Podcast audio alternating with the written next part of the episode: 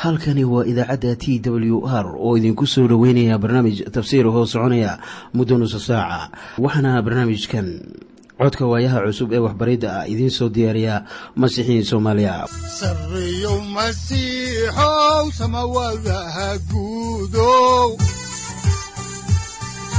Siraadkii adduunkow subanaha eebow sareeyo masiixow samawadaha guudow siraadkii adduunkow subanaha eebow adigoo samaada jiro ifkan soo saldhiganba adigoo saamaada jiro ifkan soo saldhiganba kutubtiisanaaye wuxunogu saaciiday sharxayn sifahaaga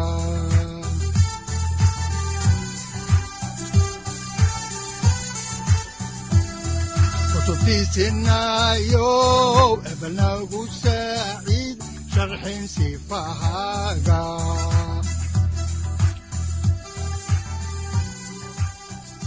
ku soo dhowaada dhegaystayaal barnaamijkeenna dhammaantiinba. Waxaannu horay idiinku sii wadi doonnaa daraasaadkii la magac baxay baibalka dhammaantii kitaabka falimaha rasuulladu waa kitaab guud ahaan aynu ku eegayno taariikhda kitaabka axdiga cusub. Waxaanan rumaysanahay inaad wax badan ka baran doontaan haddii aad sii dhegaysataan. Waxaanse caaway idiin sii wadi doonnaa cutubka toddobaad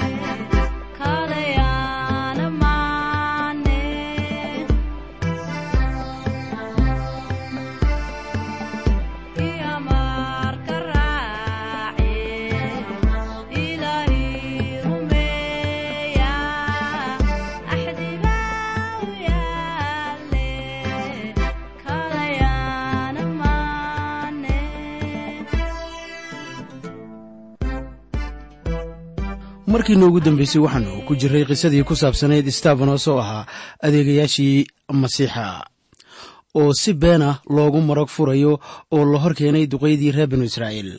Waxaanan caawa idiin akhriyaynaa khudbaddii qaayaha lahayd ee stefanos u jeediyey duqayda haddaan idiin bilowno xigashada caaway oo ka sii soconaysa cutubka toddobaad aayaddiisa saddexaad markaasoo uu ka hadlayey taariikhdii ibraahim ayaa uu leeyahay haatan oo waxa uu ku yidhi waa ibraahime ka soo kac waddankaaga iyo dadkaaga oo kaalay dalka aan ku tusi doono. Haddaba ilaah waxa uu ibraahim uga yeeray gurigiisii waayo halkaa waxaa ka socday sanam caabud. Haddaan horay uga sii soconno ayaannu eegaynaa aayadaha afar ilaa shan oo waxaa qoran sida tan. Markaasuu ka soo kacay dalkii reer kaldiin oo waxa uu soo degay haaraan oo markuu aabbihii dhintay ayaa ilaah meesha isaga ka soo wareejiyey oo keenay dalkan aad haatan deggan tihiin oo dhaxalna kama uu siin xataa meel uu cagtiisa dhigo. Laakiin waxa uu isaga ka ballanqaaday inuu dalka mulki u siiyo isaga iyo farcankiisa ka dambeeyaba inkastoo uusan dhal lahayn. Waxaana taasu muujinaysaa rumaysadkii ibraahim.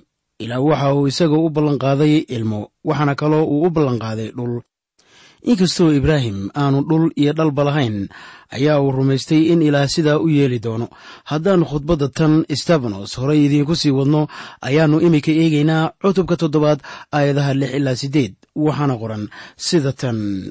Ilaah sidan buu u hadlay in farcankiisu degi doono dal shisheeye oo iyaga la addoonsan doono oo afar boqol oo sannadood la dhibi doono. Ilaah waxa uu yidhi quruuntan iyagu ay u addoonsamaan ayaan xukumi doonaa. Markaa dabadeed ayaa ay ka soo bixi doonaan oo meesha iigu adeegi doonaan oo waxa uu isaga siiyey axdiga gudniinka. Haddaba ibraahim waxa uu dhalay isxaaq oo maalintii siddeedaad ayaa uu guday isaga. Isxaaqna waxa uu dhalay yacquub yacquubna waxa uu dhalay. Laba iyo tobankii aynu ka soo farcannay stefanos waxa uu haatan ka soo gudbayaa ibraahim oo waxa uu soo gelayaa yuusuf iyo walaaladiis halkaasoo nacayb iyo colaad ay ugu qaadeen walaalkooda ka yar ee yuusufa dabeetana ay addoonnimo uga iibiyeen masar. Laakiin ilaah baa xukumay falkoodan waxaana ay noqotay inuu yuusuf badbaadiyo reer binu israa'iil oo dhan waxaana khudbadda stefanos ka muuqanaya turjumada dhabta ah ee ruuxa quduuska ah uu ka bixinayo kitaabka axdigii hore. Waxaana ay qaybtan qisada stefanos ah ee lagu qoray axdiga cusub noqonaysaa mid xusuus mudan. Haddaan horay idinku sii wadno xigashada kitaabka falimaha rasuullada ayaannu eegaynaa dhegaystayaal cutubka toddobaad aayadaha sagaal ilaa lix iyo toban waxaana qoran sida tan kuwii aan ka soo farcannayna intay yuusuf ka masayreen ayaa waxa ay ka iibiyeen masar laakiin ilaah baa isaga la jiray oo dhibaatadiisii oo dhan ka samato bixiyey oo axsaan iyo xigmad ka siiyey fircoon oo ahaa boqorkii masar. Markaasuu isaguna waxa uu isagii taliye uga dhigay masar iyo reerkiisii oo dhan haddaba waxaa masar iyo kancaan oo dhan ka wada dhacay abaar iyo dhibaato weyn. Awowayaasheenna dhuuni bay ka waayeen halkaa laakiin markii yacquub maqlay in masar sarrayn jiro ayaa uu markii ugu horreysay awowayaasheen diray. Oo markii labaad waxaa walaalihii la aqoonsiiyey yuusuf. Markaasaa fircoon waxa uu gartay yuusuf qoladiisii.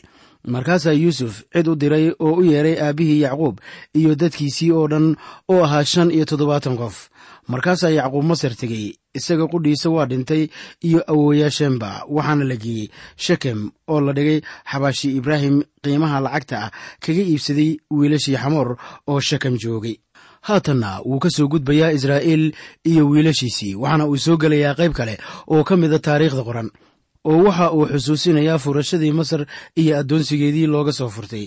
Ilaa waxa uu muuse ka dhigay kii soo furtay israa'iil waxaana uu muujinayaa in markii ugu horreysay ay reer binu israa'iil diideen inay muuse raacaan oo markaana ay muuse ku adkaatay inuu hoggaamiyo haddaan horay idinku sii wadno xigashada kitaabka. Ayaannu iminkana eegaynaa kitaabka falimaha rasuullada cutubka toddobaad aayadaha toddoba iyo toban ilaa koob iyo labaatan waxaana qoran sida tan. Laakiin markii uu soo dhowaaday wakhtigii ballankii ilaah kula ballamay ibraahim ayaa ay dadkii ku soo kordheen oo ku bateen masar.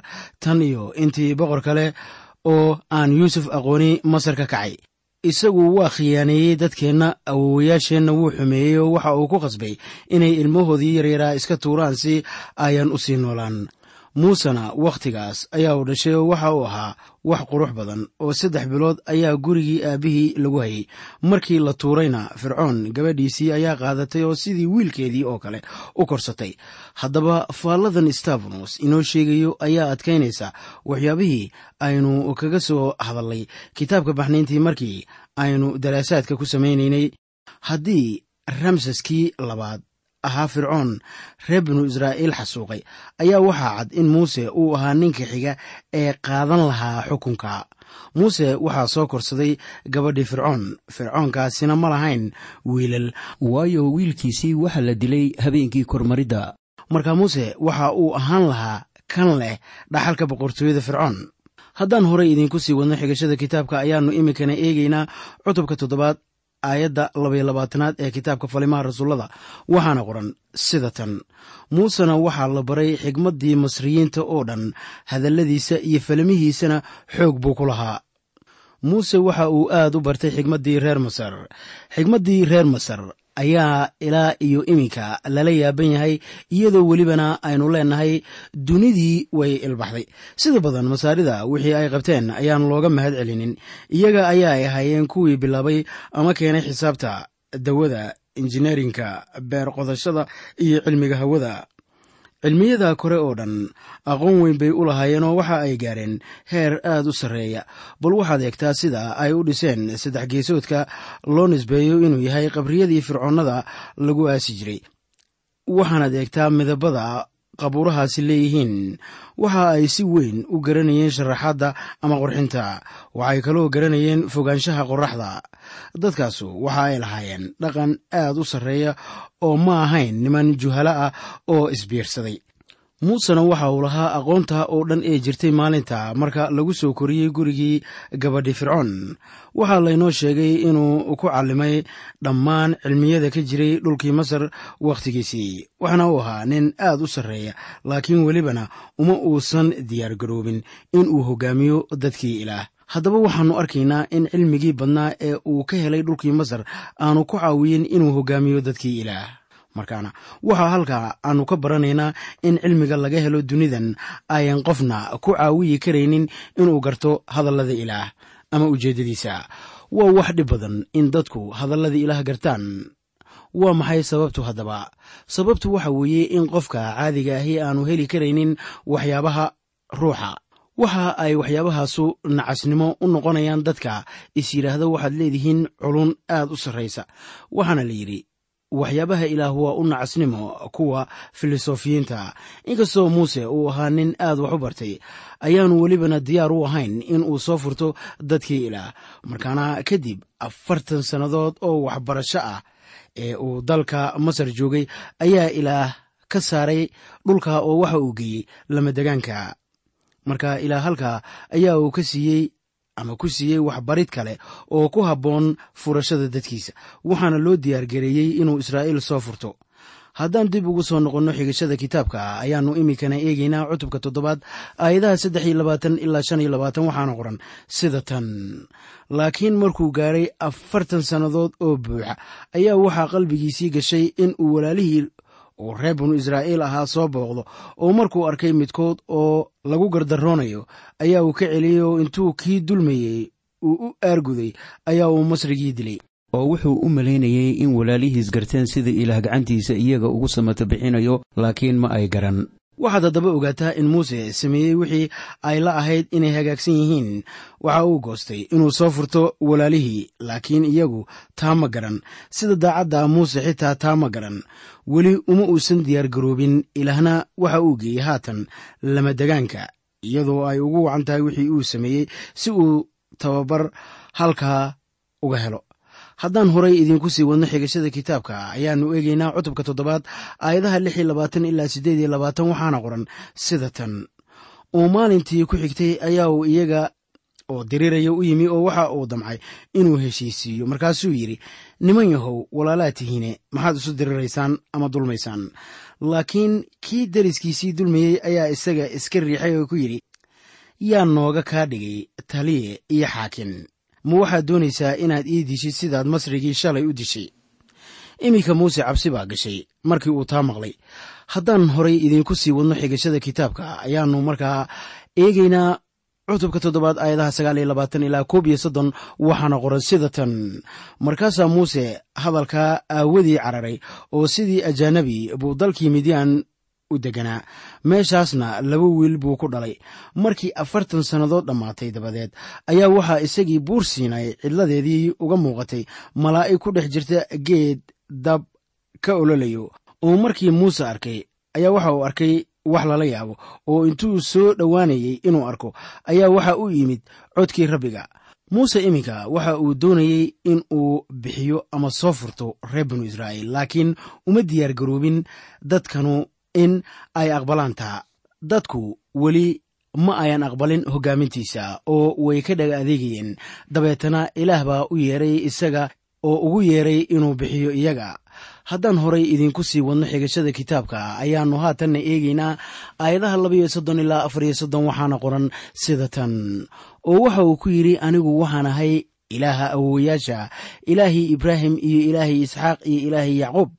Markaasaa muuse gariiray oo ku dhici kari waayey inuu eego. Markaasuu rabbigu isaga ku yidhi kabaha cagahaaga ka furfur maxaa yeelay meesha aad ku taagan tahay waa dhul quduus ah.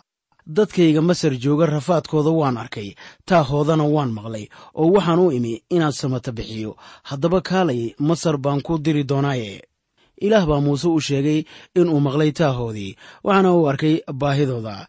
Taasina waa sababta uu u samata bixinayo waana isla asbaabtaas tan uu aniga iyo adigaba u siinayo badbaado.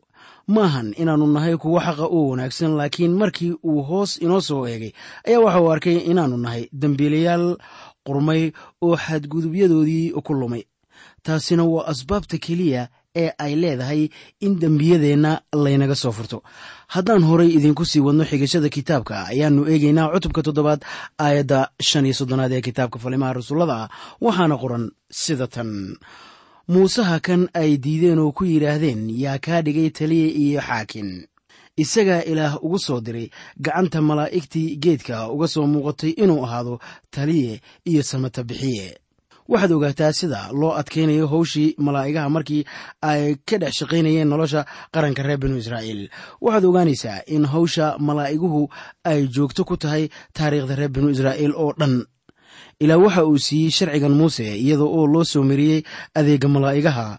Haddaba malaa'iguhu waxa ay ka dhex shaqaynayeen reer binu israa'iil iyaga oo farriimo ka sida ilaah oo u soo gudbinaya dadkiisa. Habase yeeshee wakhtigeennan ayaanay jirin muuqashooyin malaa'igo. Malaa'igaha adeegoodu waxa uu ahaa inay farriimaha ilaah ka keenaan. Marka howshii waa gabaabsi. Ama wayba soo idlaatay aan idhaahdee. Haddaba staafanosoo horay u sii wada hadalkiisa ama khudbaddiisa ayaa waxa uu leeyahay. Sida ku qoran kitaabka falimaha rasuullada cutubka toddobaad aayadaha lix iyo soddon ilaa iyo siddeed iyo soddon waxaana qoran sida tan kanaa iyaga masar ka soo saaray. Waa muuse oo yaabab iyo calaamooyin ku sameeyey masar iyo badda cas iyo cidlada afartan sannadood kanu waa muusihii ku yidhi reer binu israa'iil ilaa waxa uu walaalihiin idinka dhex kicin doonaa nebi sidayda oo kale ah. Kanu waa kii ku dhex jiray kiniisaddii cidlada oo la jiray malaa'igtii isaga kala hadashay buur sinaai iyo awooyaasheen kii la siiyey. Hadallada nool inuu ina siiyo haddaba reer binu israa'iil waxa ay ahaayeen qabiil ilaah u yeedhay waxaa looga yeedhay masar si ay ilaah howl khaas ahaaneed ugu qabtaan. Haddaan horay idinku sii wadno xigashada kitaabka ayaannu haatanna eegaynaa aayadda sagaal iyo soddonaad waxaana qoran sida tan. Isaga awoowayaasheen ma ay doonayn inay addeecaan laakiin intay iska riixayeen ayay qalbigoodii geliyeen inay masar dib ugu jeestaan waa run in israa'iil ay qalbigooda u jeediyeen dalkii masar xilligii ay lamadegaanka dhex lugeynayeen. Marka macno yeelan mayso in qof kale lagu eedeeyo dembi uu galay laakiin waa in adiga qudhaadu aad isweydiisaa aniguna ma gelayaa dembiga oo kale. Niyaddaydu halkee bay joogtaa. Waxaan arkaynaa in qalbiga israa'iil masar uu ku noqday xilligaa. Haddaan horay idinku sii wadno xigashada ayaannu iminkana eegaynaa cutubka toddobaad aayadda afartanaad oo leh oo waxay haaruun ku yidhaahdeen inoo samee ilaahyo ina hor socda. Maxaa yeelay muusihii inaga soo kaxeeyey dhulka masar garan mayno waxa ku dhacay. Haddaba dhegaystayaal waa inaad ogaataan in haatan khudbaddii stabanos ay soo gashay taariikhda laakiin aynaan idiin akhriyeynin kitaabka axdigii hore. Oo qisada tani ay si tafatiran ugu qoran tahay. Haddaba ma ayan garanaynin. Haddaan ku soo noqdo faallada kitaabka waxa ku dhacay isaga. Shaqana kuma ayan lahayn. Horay bay u diideen muuse. Haddaan horay uga soconno ayaannu eegaynaa aayadda koob iyo afartanaad waxaana qoran sida tan. Markaasay waxay wakhtigaas sameeyeen weyl oo sanamkii waxa ay u keeneen allabari oo waxa ay ku farxeen shuqulkii gacmahoodu sameeyeen. Waxa uu halkan inoogu muujinayaa stabanos in reer binu israa'iil ay weligood bacaasiin ahaayeen. Haddaan qisada ka sii soconno ayaannu eegaynaa aayadda labayo afartanaad ee kitaabkan falimaha rasuullada cutubkiisa toddobaad waxaana qoran sida tan. Laakiin ilaah baa ka jeestay oo waxa uu faraha uga qaaday inay u adeegaan guutada samada sida ay ugu qoran tahay kitaabka nebiyada. Bal reer binu israa'iilow afartankii sannadood oo aad cidlada joogteen ma anigaad isiiseen xoolo qalan iyo allabaryo haddaba. Sanam caabudis bay bilaabeen. Taasina waa waxyaabihii yeshuuca iyo muuseba ay dadka ka baryeen inayan innaba samaynin oo ay ka soo jeestaan asnaamta oo dhan. Haddaan horay idinku sii wadno xigashada kitaabka ayaannu eegaynaa kitaabka falimaha rasuullada cutubka toddobaad aayadaha saddex iyo afartan ilaa lix iyo afartan. Waxaana qoran sida tan weliba waxaa qaadateen taambuuggii molek iyo xidigihii ilaaha ramfax oo ah waxyaalihii aad u samaysateen inaad caabuddaan haddaba waxaan idiin kaxayn doonaa baabuloon dusheeda ama shishadeeda. Awowayaasheen waxay cidlada ku hayeen taambuuggii maragga sidii kii muuse la hadlay ugu amray isaga inuu u sameeyo sidii qaabkii uu arkay. Kaas ayaa awowayaasheen markoodii la soo qaadeen yeshuuca markay galeen oo qaateen dhulkii qurumaha ilaaha awowayaasheen hortooda ku eriyey ilaa waagii daa'uud daa'uudna ilaah hortii ayaa uu wanaag ka helay oo waxa uu weydiistay inuu ilaahay yacquub u helo meel uu dego. Sidaad arkaysaan taambuugga la dhisay waxa uu ahaa qorshihii daa'uud waxaan mar waliba ka fekeraa inay habboon tahay in la yidhaahdo macbudka daa'uud baa dhisay intii la odhan lahaa sulaymaan baa dhisay. Haddaan haddaba intaa kaga baxo faallada ayaan eegaynaa aayadaha toddoba iyo afartan ilaa iyo konton ee isla cutubkan falimaha rasuullada waxaana qoran sida tan. Laakiinse sulaymaan baa guri dhisay. Habase ahaatee kan ugu sarreeya ma dego guryo gacmo lagu sameeyey sida nebigu leeyahay. Samadu waa carshigayga. Dhulkuna waa meesha aan cagaha saarto. Rabbigu waxa uu leeyahay guri caynmaad ii dhisi doontaa. Ama waa maxay meesha aan ku nastaa? Miyaan gacantaydu samayn waxyaalahan oo dhan.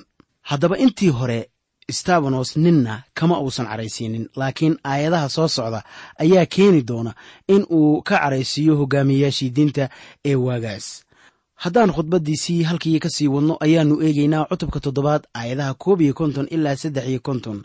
Haddaba si feejigan u dhegayso markaannu ku akhriyayno waxaana qoran sida tan.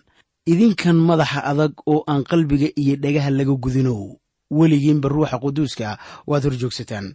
Sidii awowayaashin yeeli jireen oo kale ayaad idinna yeeshaan bal nebiyada keebaa awowayaashiin ayaan silcin xataa iyagu waxa ay dileen kuwii hore u sheegay imaatinka kan xaq ah kan idinku aad haatan gacan geliseen oo disheen waxaad sharciga u hesheen sidii wax malaa'igaha hagaajiyeen laakiinse ma aydnaan xejin haddaba kaas waa hadal kulul. Haddaba khudbaddan waxa ay ka asiibtay halbowlaha waxaana ay keentay in ay aad u caroodaan madaxdii diinta. Waxaana ay ahayd khudbaddii loogu soo hadlay ama looga soo hadlay aan idhaahdee taariikhdii caasinimada ahayd iyo madax adeygii iyo weliba khibradihii laga qoray markii ay lamadegaanka joogeen. Nimankanu ma ahayn kuwo aan gudnayn jir ahaan balse waxa uu leeyahay dhagaha iyo qalbiga lagama gudin. Waxa uu ku soo gunaanadayaa yeshuuca oo uu ku hogaaminaya dhulka iyo weliba ciise oo ah waddada loo maro jannada. Waxaa kaloo uu yidhi sharciga waxa ay ka heleen gacmaha malaa'igaha laakiin ma ayan xejin waxaa laga yaabaa in nimankanu ogaayeen dhalashadii masiixa oo malaa'iguhu dadka ay ogeysiiyeen. Waxaa sida abbaartaha ay ahaayeen kuwii gacan geliyey oo dilay ciise. Iminkana waxaynu soo gaarnay maaddada ku saabsan shahiidnimadii stefanos sida aynu garan karno markii hadallada uu yidhi waxaa kacay caro weyn oo dadku ay la soo kaceen waana ay iyaga oo qamaamaya ku soo xoomeen stefanos stefanos waxa uu noqday shahiidkii ugu horreeyey. Qaybtan dambe ee cutubkan ayaa laynagu barayaa sawloskii reer tarsos. Haddaan horey idiinku sii wadno xigashada kitaabka ayaannu eegaynaa aayadaha afar iyo konton ilaa shan iyo konton waxaana qoran sida tan. Haddaba markay waxyaalahaas maqleen waa ay ka xanaaqeen oo u ilka jiriqsadeen isaga laakiin isagoo ruuxa quduuska uu ka buuxo ayaa uu samada aad u fiiriyey oo waxa uu arkay ammaanta ilaah iyo ciise oo midigta ilaah taagan. Maadaama ilaah ruux yahay sideebaa loo odhan karaa gacanta midig ee ilaah. Waxaa la odhan karo waxa ay tahay in gacanta midig ay tilmaamayso meel daa'imana oo ah rug derajo leh. Ilaa waxa uu masiixa ka ballan qaaday in uu ammaanayo oo uu siin doono magac ka sarreeya magacyada oo dhan. Haddaba ciise masiix waa la sarraysiiyey xaqiiqda ah in la fariisiiyey gacanta midig ee ilaah ayaa sheegaysa in uu dhammeeyey furashadeenna. Laakiin looma jeedo inaanu weli innaga aawadeen wax shuqul ah ugu wadin halka uu joogo. Waxa uu meesha u taagnaa waxay ahayd in uu qaabilo shahiidkii ugu horreeyey. Haddaan horay idiinku sii wadno si aan u egno qaabilaadda ayaannu iminka eegaynaa cutubka toddobaad aayadaha lix iyo konton ilaa siddeed iyo konton waxaana qoran sida tan. Oo waxauu yidhi baleega waxaan arkayaa samooyinkii oo la furay iyo wiilka aadanaha oo ilaah midigtiisa taagan. Laakiin markaasay cod weyn ku qayliyeenoo dhagaha furaysteenoo iyaga oo isku wada qalbi ah ku yaaceen isagii. Markaasay intay magaalada ka soo saareen dhagxiyeen kuwii maragga ahaana dharkoodii waxa ay ag dhigteen nin dhallinyaro ah oo la oran jiray sawlos labada nin ee dhallinyarada ah waa stefanos iyo sawloskii reer tarsas ee halkan bay wada joogeen. Markii ugu horreysay waana wakhtiga keliya ee ay isku soo dhowaadeen waana kii ugu dambeeyey waxay haatan ahaayeen cadaawo waxaana ay taagnaayeen meel ka soo horjeeda isku tallaabta. Haddaan soo koobno ayaannu eegaynaa cutubka toddobaad aayadaha sagaal iyo konton ilaa lixdan waxaana qoran sida tan. Markaasay dhagxiyeen stefanos oo rabbiga baryaya oo ku leh rabbi ciiseow ruuxa iga qaado. Markaasuu jilba joogsaday oo cod weyn ku qayliyo ku yidhi rabbiyow dembigan dushooda ha ka dhigin. Oo markuu sidaa yidhi ayuu dhintay.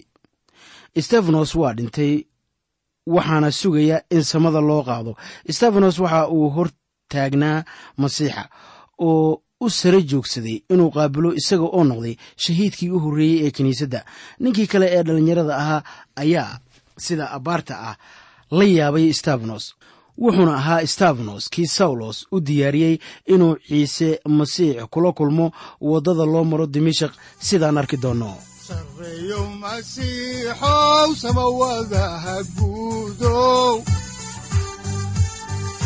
siraadkii adduunkow subanaha eebow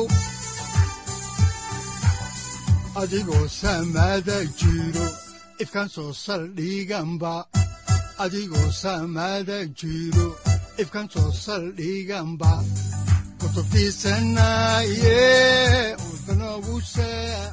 halkani waa t w r idaacadda t w r oo idinku leh ilaa ha idin barakeeyo oo ha idinku anfaco wixii aad caawi ka maqasheen barnaamijka. Waxaa barnaamijkan oo kalea aad ka maqli doontaan habeen dambe hadahan oo kale haddiise aad doonaysaan in aad fikirkiina ka dhiibataan wixii aad caawi maqasheen ayaad nagala soo xiriiri kartaan som t w r at t w r c o k e. Haddii aad doonaysaan in aad dejiisataan oo kaydsataan barnaamijka ama aad mar kale dhegaysataan fadlan mar kale booqo www t w r o r g amase www t t b t w r o r g amase waxaad teleefoonkaaga ku kaydsataa ama ku download garaysataa agabyada ku sahli karaa dhegeysiga t w r haddii aad doonayso in laga kaalmeeyo dhinacyada fahamka kitaabka amase aad u baahan tahay duco fadlan fariimahaaga soo mari bogga aaraahda ama kommentska inana jawaab degdeg ah ayaanu ku soo diri doonaa amase ku siin doonaaye sarreeyow masiixow salugla wihiyow saacadda timid dhulka sabada ku dhalatiyo